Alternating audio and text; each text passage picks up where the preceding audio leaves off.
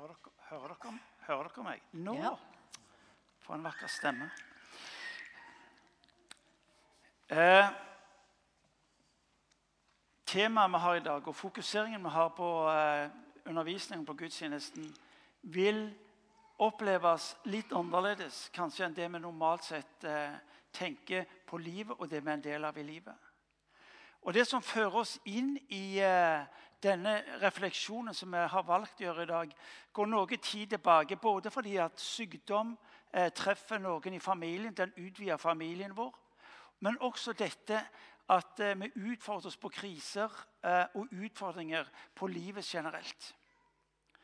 Eh, noe av det som eh, jeg kjenner for min egen del først, by the way You who are in need of English translation, there's a headset back at the sound desk. Grab one and you will get at least parts of what I'm saying. It's not always that easy for translator to uh, get what we are saying, but headset for you who are in need of translation. You find it back at the sound desk. Um, vi hadde et ønske om å rydde plass til å motta noen av de bilder og føringer som vi møter i Guds ord på hvordan ser vi på det som treffer oss i livet. Og Det er ikke tvil om at situasjonen med Marie og den veien som hun har gått, hun og Jan og ungene har gått, og som vi har gått sammen med dem, gjør også noe med vår måte å tenke på. Jeg skal innlede, eh, og så skal Irene ta hovedbolken. Og så skal Elling få lov til å si noe om eh, utfordringene og spenningene med å være frimodige på å skulle både be eh, og forvente at Gud griper inn midt i dette som er det smertefulle og vanskelige. Eh, først en ting. Eh, når du og meg holder Bibelen og åpner Bibelen, så vil du oppdage fra begynnelsen av Bibelen til slutten av Bibelen, så bærer den med seg et budskap. I begynnelsen av Bibelen så sier Gud jeg vil gjøre noe. Jeg vil handle inn i denne verden, slik at synden, slik at døden ikke verken er det som skal prege livet, eller som skal være endemålet for livet. I begynnelsen av Guds ord leser vi om en Gud Fader som lover jeg vil gjøre noe med dere og mellom dere. Og Den siste biten i Bibelen handler om den himmel eh, som Gud og den jord som Gud gjenreiser for at mennesket skal få lov til å bli en del av det som han egentlig hadde tenkt. Når du holder Bibelen, så minner den deg om to grunnleggende ting. Om Guds frelse inn i denne verden og Guds plan for deg i denne verden utover denne verdens begrensninger. Bibelens siste kapittel sier noe om det som er målet for deg og for meg, nemlig himmelen. Gud griper inn i denne verden for å handle, for å ta deg og meg på den vandringen han selv har mot sin himmel. Når, Johannes, når Jesus er sammen med disiplene på slutten av sitt liv, så sier han til dem i Johannes evangeliet kapittel 14 så sier han, 'Jeg går ifra dere nå, fordi at jeg skal berede et rom.' Et rom hvor vi skal være sammen for alltid. Målet for Jesus' soningsdød i himmelen og fellesskap med Faderen. Ja, men dette vet du, sier Ja, vi vet det. Men din og min utfordring i den verden som vi lever i, det er at vi sakte, men sikkert mister dimensjonen på himmelen og himmelens betydning inn i denne verden. En har sagt det slik det at når vi eh, våger å omfavne både døden og himmelen, vi lever det sterke livet.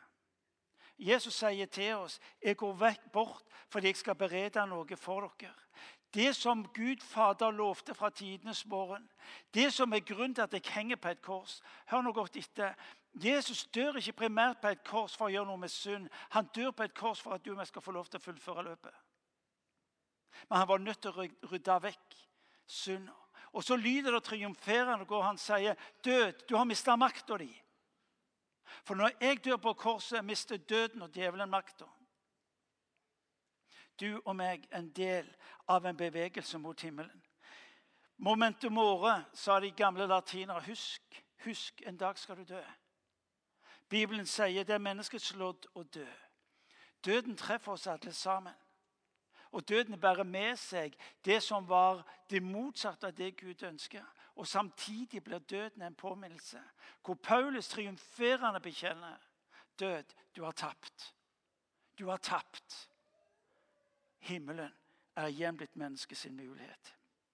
Så står det i Johannes evangeliet kapittel 3, vers 16.: For så høyt elsker Gud verden, at hver den som tror på Han, ikke skal gå fortapt, men har evig liv. Jesu liv summeres med et fokus til evige livet. Bibelen taler om to utganger. Vi kan like det eller mislike det. I Johannes evangeliet sier noe enten fortapelse eller himmelen. Døden minner oss på. Døden en påminner om at det er utgang på dette livet. Det er det ene. Det andre som jeg vil at vi skal bare kort stoppe for, det er at vi er på gjennomreise. Er på gjennomreise. Kirkens pilegrimstradisjon den har fulgt kirka fra dag én. Gud er bevegelse mot oss, har vi hørt. Gud er bevegelse sammen med oss, har vi òg hørt. Kirkas pilegrimstradisjon er en sterk påminnelse om at vi er underveis. Denne verden er ikke vårt hjem, lyder Guds ord. Og dersom det var kun for det som var i denne verden, sier Paulus, da var vi en snål gruppe mennesker. Paulus tar oss inn i måte å tenke på som bryter med det som er vanlig.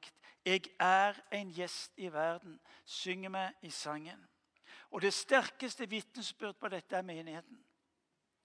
Når denne verden, når, når menneskene forbi kirka spør hva i all verden er det de holder på med, så lyder det egentlig fra himmelen et rop på menigheten. De er på vei hjem. Når denne verden ser menigheten, så lyder det et rop over menighetens folk. De er på vei hjem. De er på vei hjem.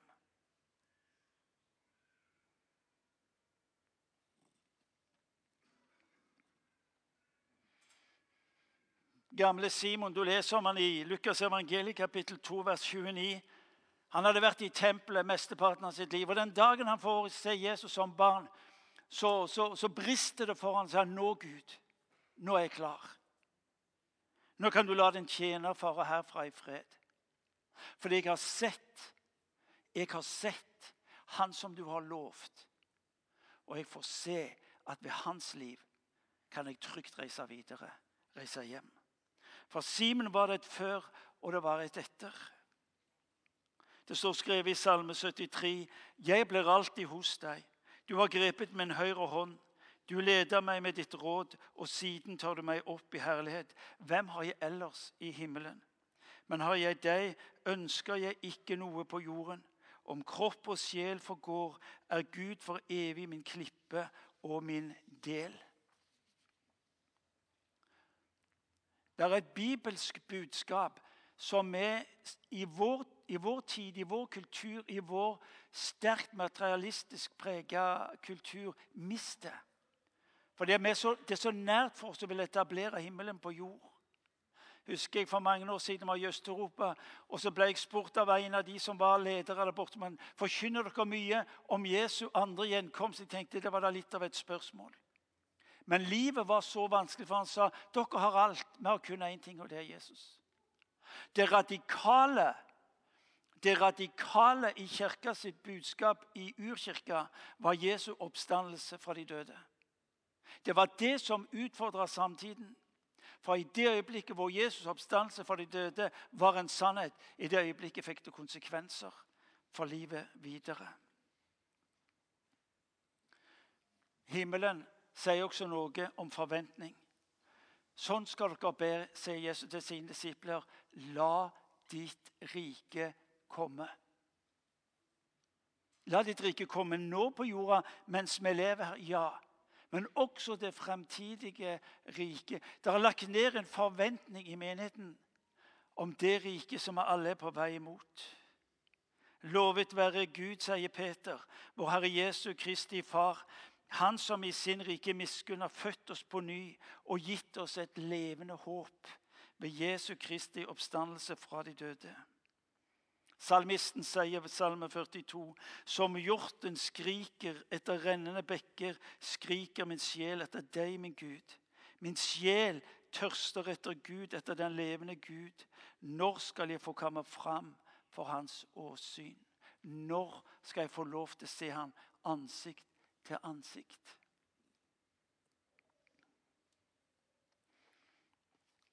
I sangboka så synger vi Jeg veit i himmerik ei borg.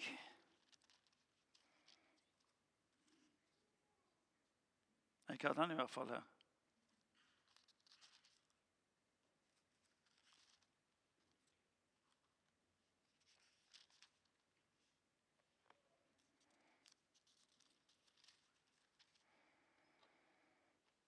Du skal heller få den andre. Jeg går til himmelen. Der er mitt hjem. Der er ei synd eller smerte. Der er det nye Jerusalem. Der er mitt bevende hjerte. Og En annen sang som har sunget på bedehuset i alle år. Eh, ja, en gang mine øyne skal se kongen i hans prakt. Tilbede i hans himmelhall, tempelhall, hans nåde og hans makt. I et krystallklart trav av lys forsvinner tidens natt og gys. Forvandlet blir hver gåte her til lovsangsjubel der. Så er jeg frelst, så er jeg fri, så har jeg vunnet frem. Så er min strid med ett forbi, så er jeg i mitt hjem. Det hjem min frelser lovet tar, vær den som korset med ham bar. Guds paradis, vårt rette hjem, det nye Jerusalem. Det har vært en sang og det har vært et løfte som har fulgt kirka fra dag én av og fram til vår tid. Sangen om det som ligger foran. I dag, disse dager utfordres vi på troen. Vi utfordres på livet og evigheten når døden rammer oss så tett og så nært som det vi nå har møtt. Noe av det mest sjelsettende eh, i et menneskes liv er døden. Og Det er viktig for oss å tale sant både om livet og om døden. For først da lever vi også sunt. Men hør nå. Bibelen er egentlig ikke så opptatt med døden. Bibelen er opptatt med det som har med himmelen å gjøre. Og Det er godt mulig vi har mista noe fordi at den kommer så nær, og den er så ubarmhjertig, og den river ned på så mange måter. Men Bibelen er opptatt med himmelen i langt større grad enn døden. Igjen minner vi om Paulus som sier triumferende. Død, hvor er din brodd? Død, hvor er din seier? Du er ferdig. Fordi at himmelen har marsjert inn i denne verden. Med Jesus Kristus er himmelen kommet nær. Og Når Johannes sitter i fengsel i Matteus evangeliet, leser du om det. Eh, Johannes er fortvila. Jesus går ikke inn i hans livssituasjon og løser ut det som hans livssituasjon. Men løftet han gir, til Johannes der han sitter. Hør, Johannes. Døde står opp, og Guds rike forkynnes for de fattige. Det er ikke å, er ikke å, å fornekte. Det er ikke å ta, trekke, vekk, trekke, seg vekk fra det ubarmhjertige. Men når denne himmelen hvelver over livet vårt, vil vi også møte livet vårt annerledes. Fordi vi møter den med håpet. Paulus sier et sted at han ville heller vært med Herren enn å vært her på jorda. Det er noe som er den bærende kraften i Paulus sitt liv. Til slutt Thomas Fevang sa i forbindelse Nei, ja, Kjetil Fevang sa i forbindelse med Thomas sin død i januar så sa han Gud tok ikke Thomas, han tok imot han.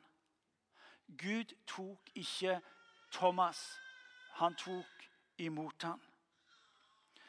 Paulus sier i eh, Filippa-brevet kapittel 3 eh, Så sier Paulus Jeg mener ikke, sier han, at jeg har nådd dette, altså målet, eller alt er fullkommen, men jeg jager fram mot det for å gripe det, fordi jeg selv er grepet av Jesus. Mine søsken, sier han, jeg tror ikke om meg selv at jeg har grepet det, men én ting gjør jeg, sier han. Jeg glemmer det som ligger bak, og strekker meg etter det som er foran, og jager fram mot målet, mot den seiersprisen som Gud fra det høye har kalt oss til i Kristus Jesus. I møte med død bringer Guds rike håpet. I møte med det umulige og smertefulle bringer Gud oss livet, kraften, eh, for å fullføre løpet. Vær så god, Irene.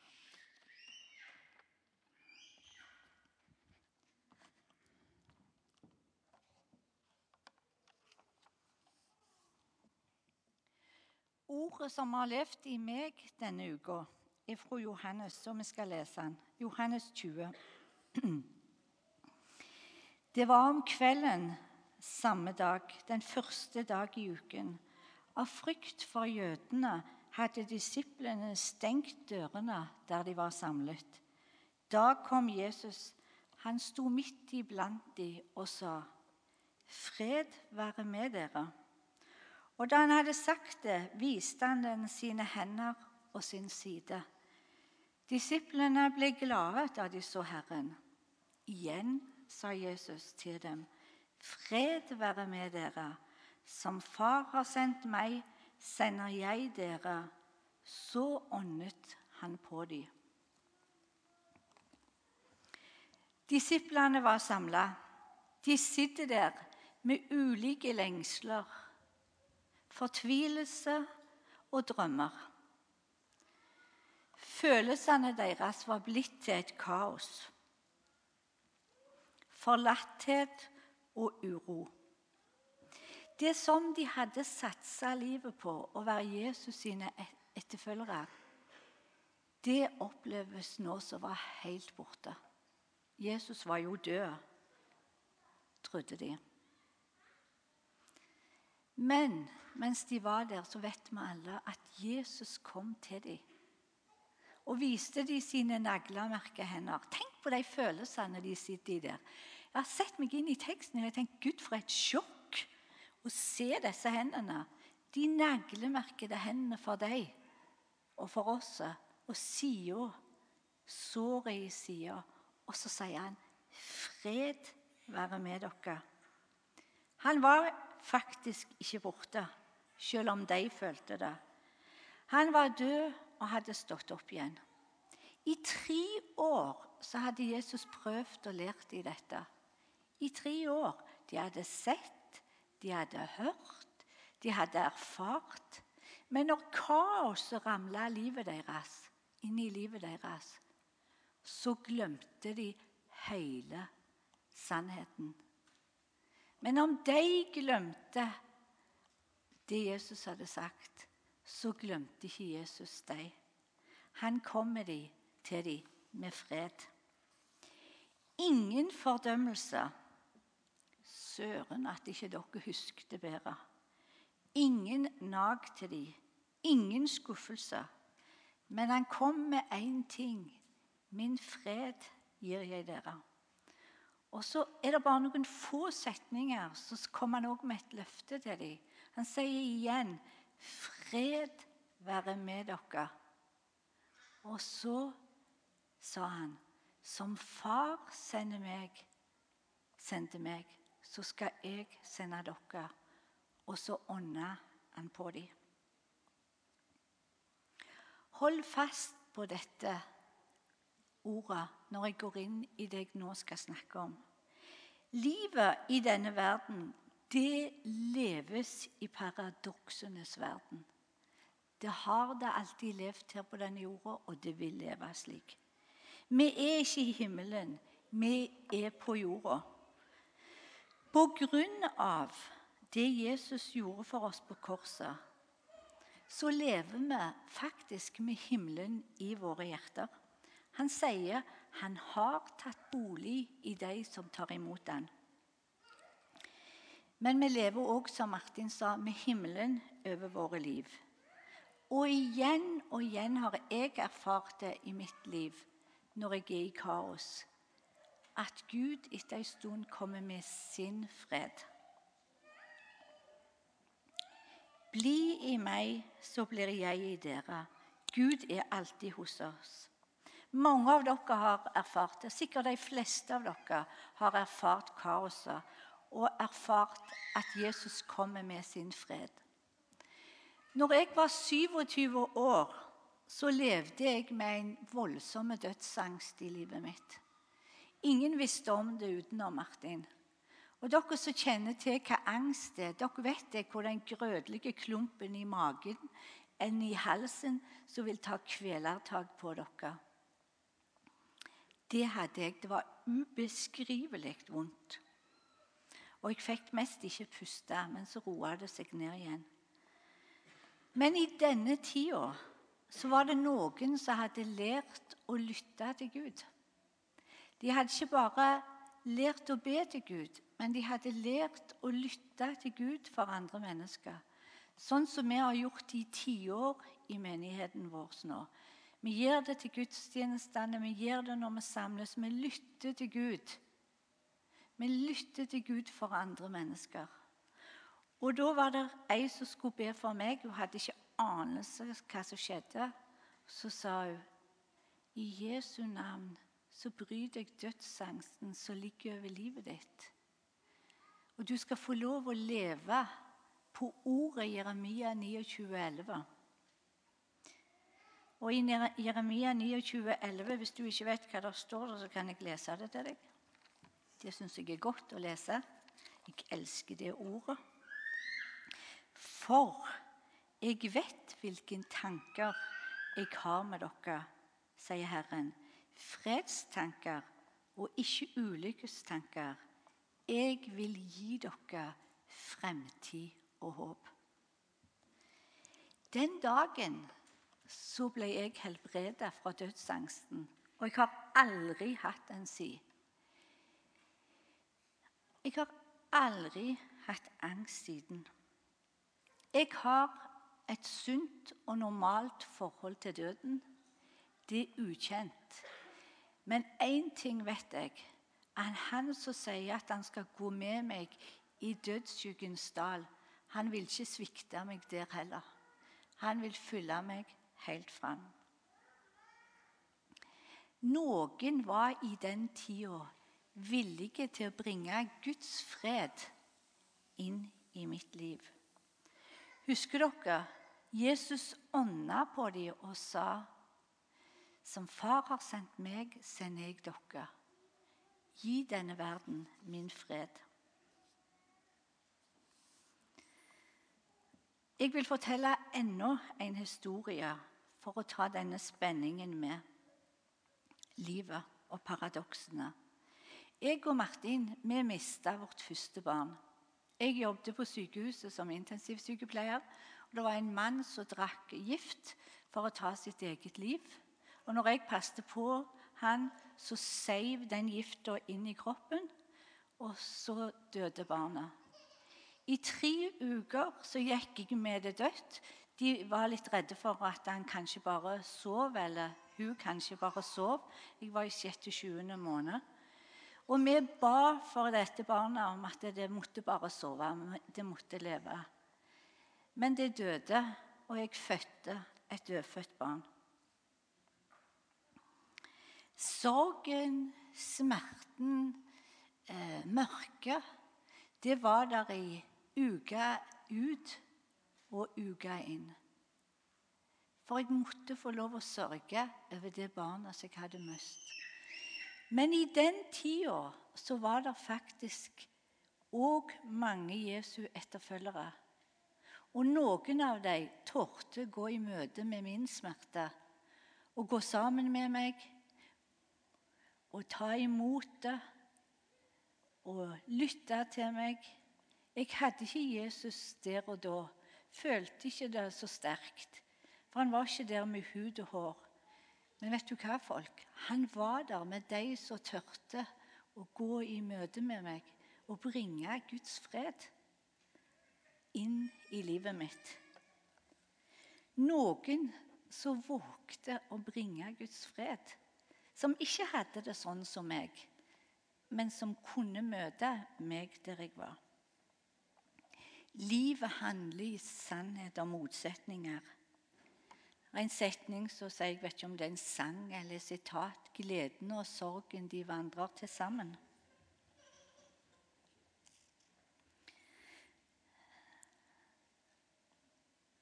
Vi går gjennom livet med sorg og savn, med glede og hallelujarop.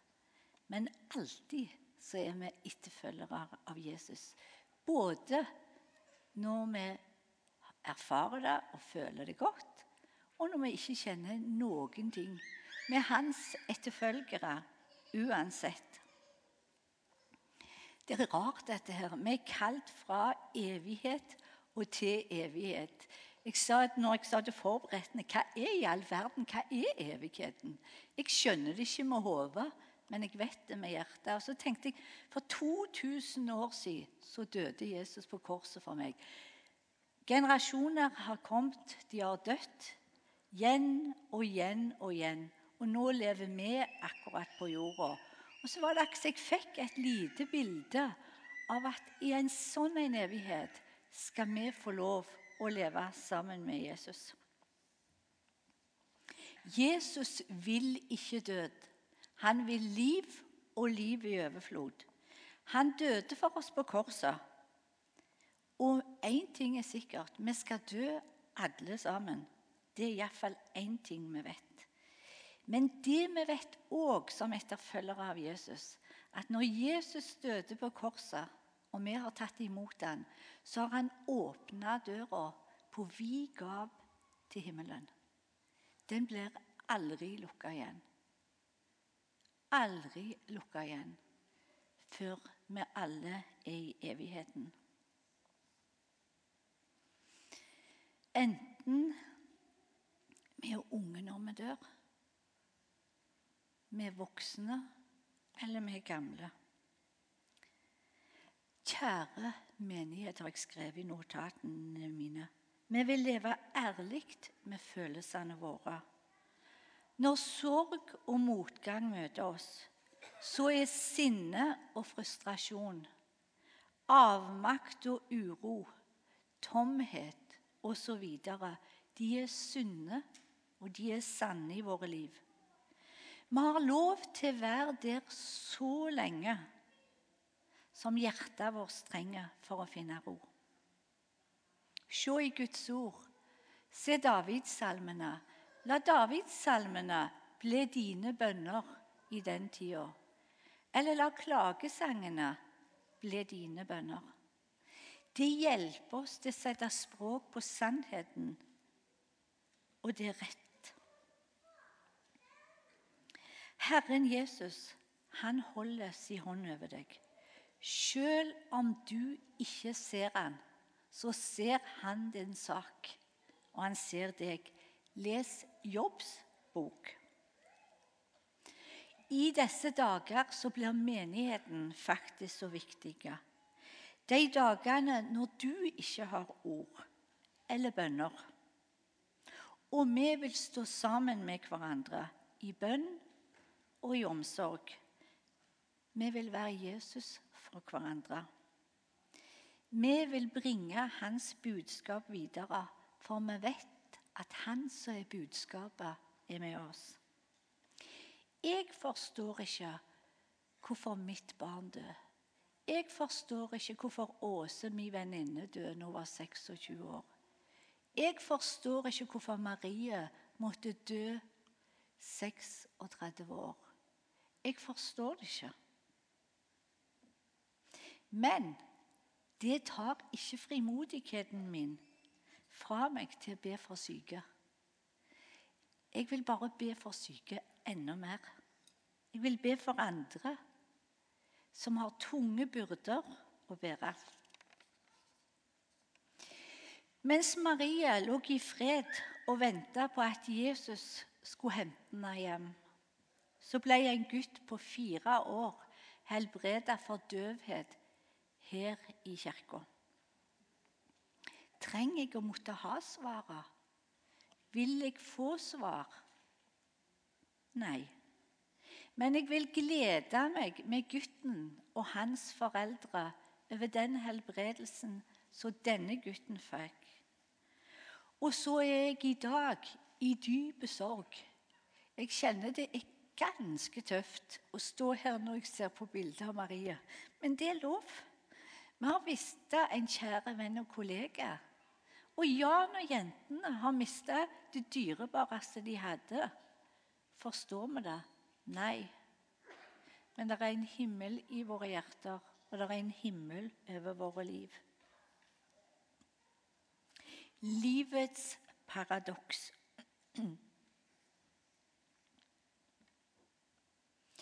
Sammen vil vi sørge, og sammen vil vi glede oss når noen blir friske. Vi skal ikke alltid være på denne jorda.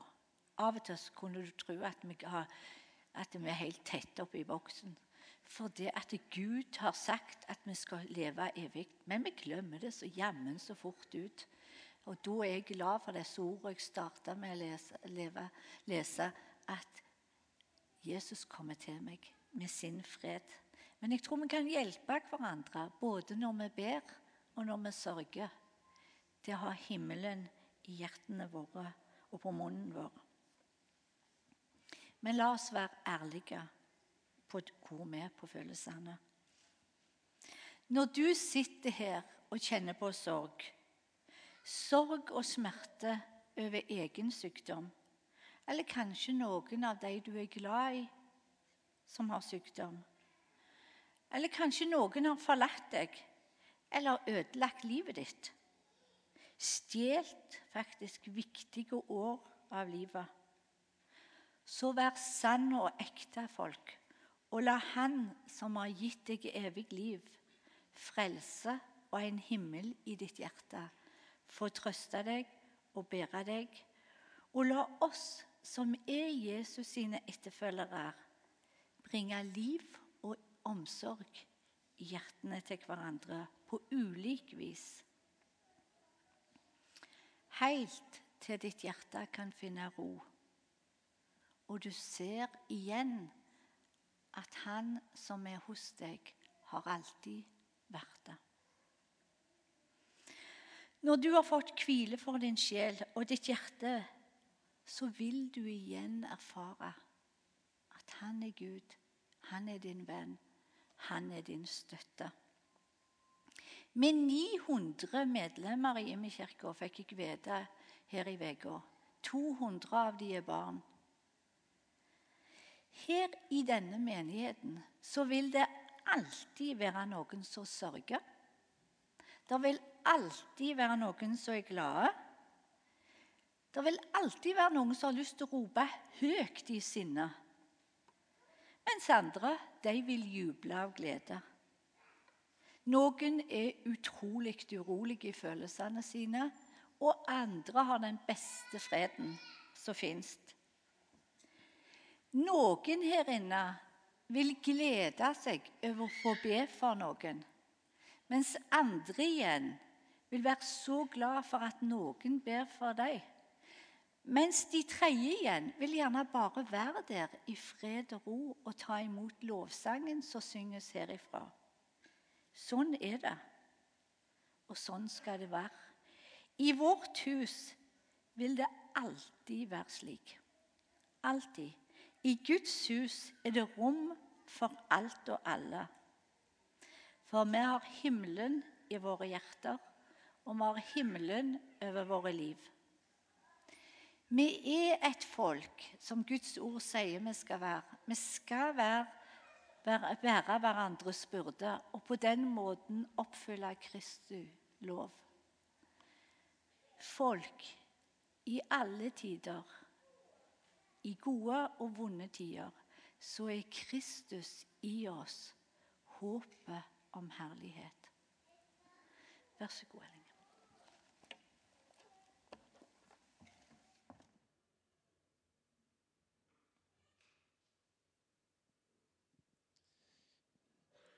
Som uh,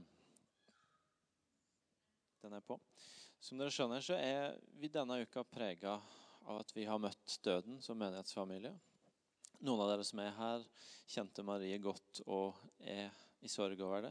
Noen av dere hadde ikke rukket å bli så kjent med henne. og er ikke nødvendigvis så sterkt følelsesmessig knytta til det, men møter døden og smerten på andre områder i livet.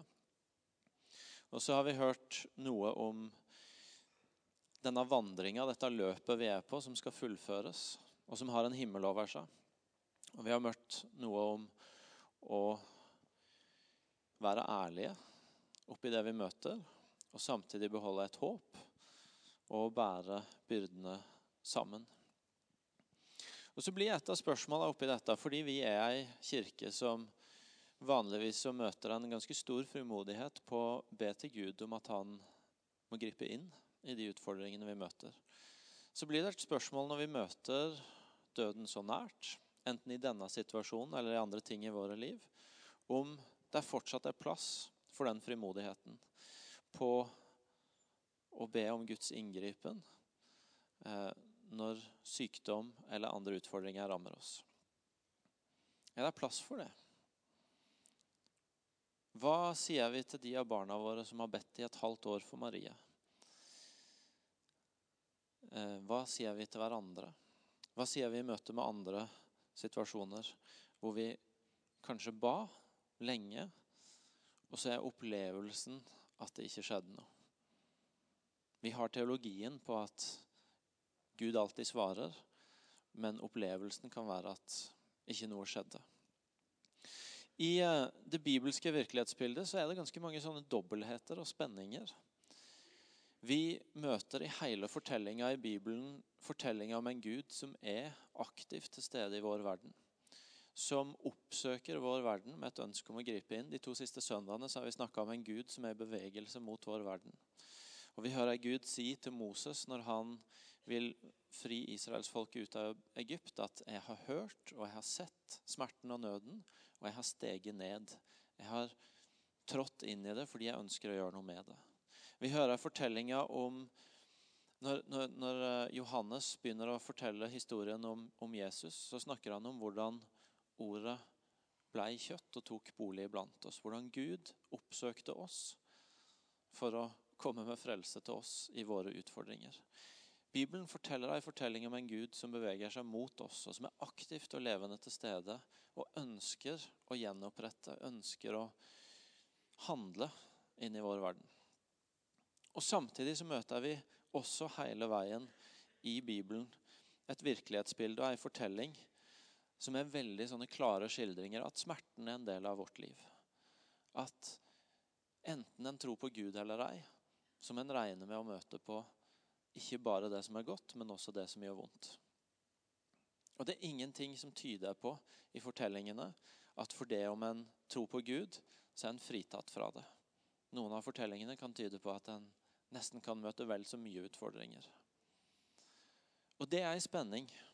Og hvis vi går til Bibelens egen bønnebok, Salmene, som var den boka Jesus brukte når han skulle be, så møter vi et sånt utrolig spenn av bønner.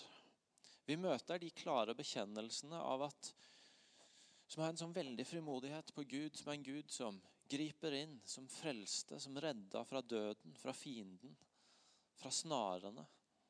En Gud som griper inn, som redder, som frelser, som helbreder. Men så møter vi òg disse her ropa som antyder at, at, det kjennes som om Gud knapt er der. Hvor lenge skal jeg vente, Herre? Hvorfor hører du meg ikke lenger, Gud? Hvorfor er du stille? Vi møter ropet som har en helt klar forventning i seg om at Gud, nå må du komme og rydde opp. Nå må du komme og ordne opp. Og så møter vi bekjennelsene av at Gud er med i smerten og hjelper en til å gå gjennom det. Sjøl når jeg vandrer i dødsskyggens dal, så mangler det ikke noe fordi han går med meg.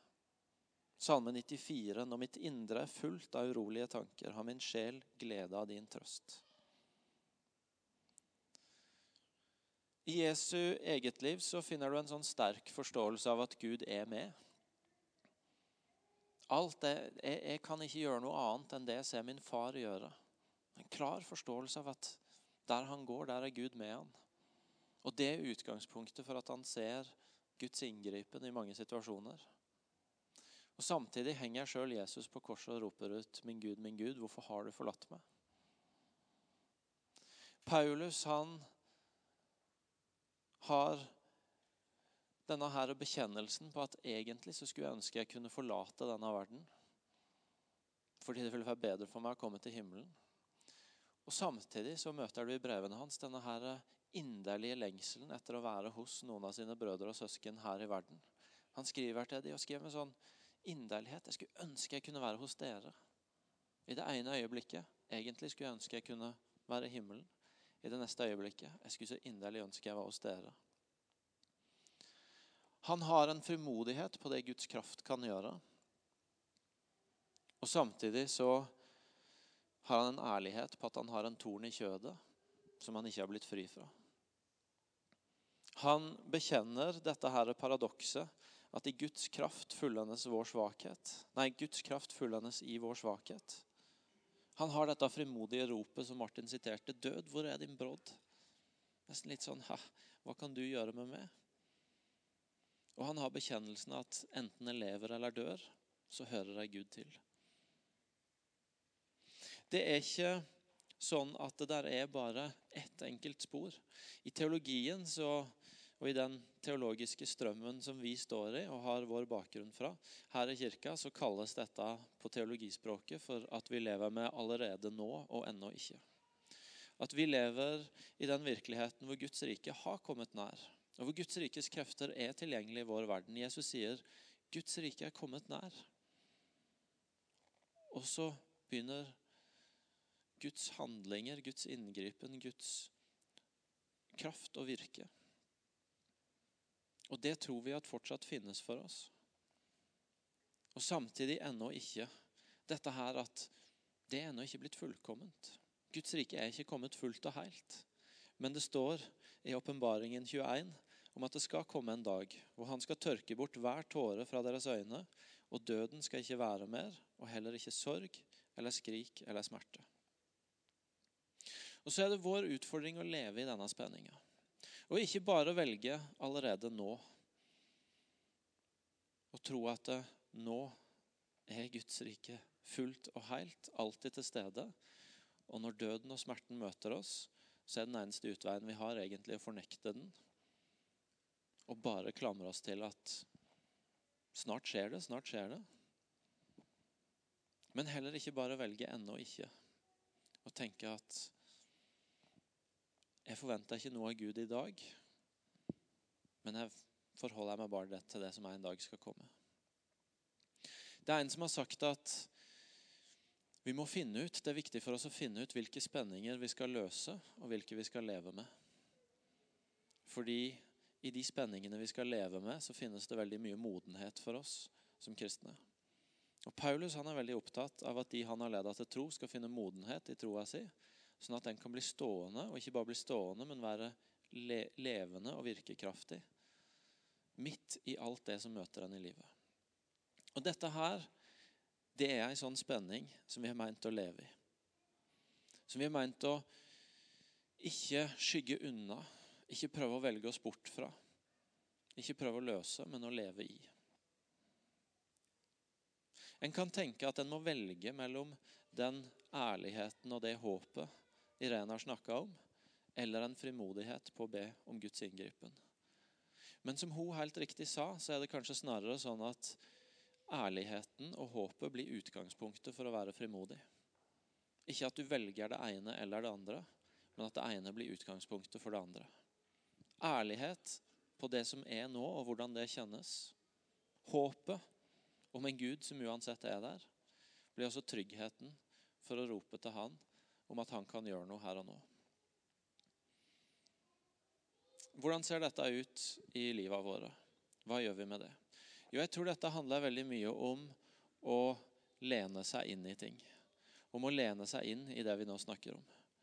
Eh, det er en som har sagt at når livet blir utfordrende, så, og når vi presses, når vi skvises litt, så tyter ting ut av oss som er på innsida. Og Måten vi trener opp det som er på innsida vår, det er veldig ofte hva vi velger når vi ikke er under det presset. Og Noe av det vi kan gjøre, det er å velge å lene oss inn.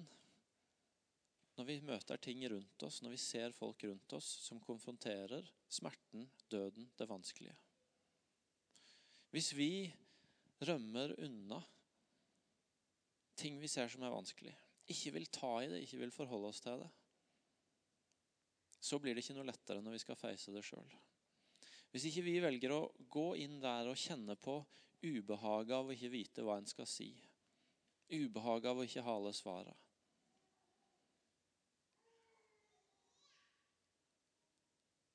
Ubehaget av å ikke ha en løsning så blir det mye vanskeligere for oss å face det når det kommer helt inn på oss. Og vi kan ha alle slags unnskyldninger for å ikke lene oss inn. Fra at vi syns det er ubehagelig, til at jeg har, sånn, jeg har lillebror minstemann-greia som gjør at jeg tror egentlig ikke det betyr noe om jeg lener meg inn. Fordi det er sikkert noen andre som ordner opp. Men du kan ha andre ting. Men det å lene seg inn i det og forholde seg til det Og på samme måte når det handler om frimodigheten på å be for folk. Hvis vi ikke våger å lene oss inn i det når det ikke er helt tett innpå oss, når vi bare ser folk rundt oss som kunne trengt at noen var frimodige og ba, så blir det ikke noe lettere å ta det inn når vi sjøl står rett opp for det. Men det å velge å lene seg inn både mot smerten, ærligheten, håpet, men også mot frimodigheten på en Gud som kan handle, det blir vår mulighet til å leve i den spenninga og til å trene oss på å leve i den spenninga, sånn at vi kan ha det der når vi virkelig blir testa på det. Og Det er noe av det vi skal få utfordres på å gjøre. Ikke rømme fra døden, ikke rømme fra frimodigheten, men forholde oss til begge deler. Martin eller Irene, vil en av dere lande dette? ok? Ja, Irene er klar.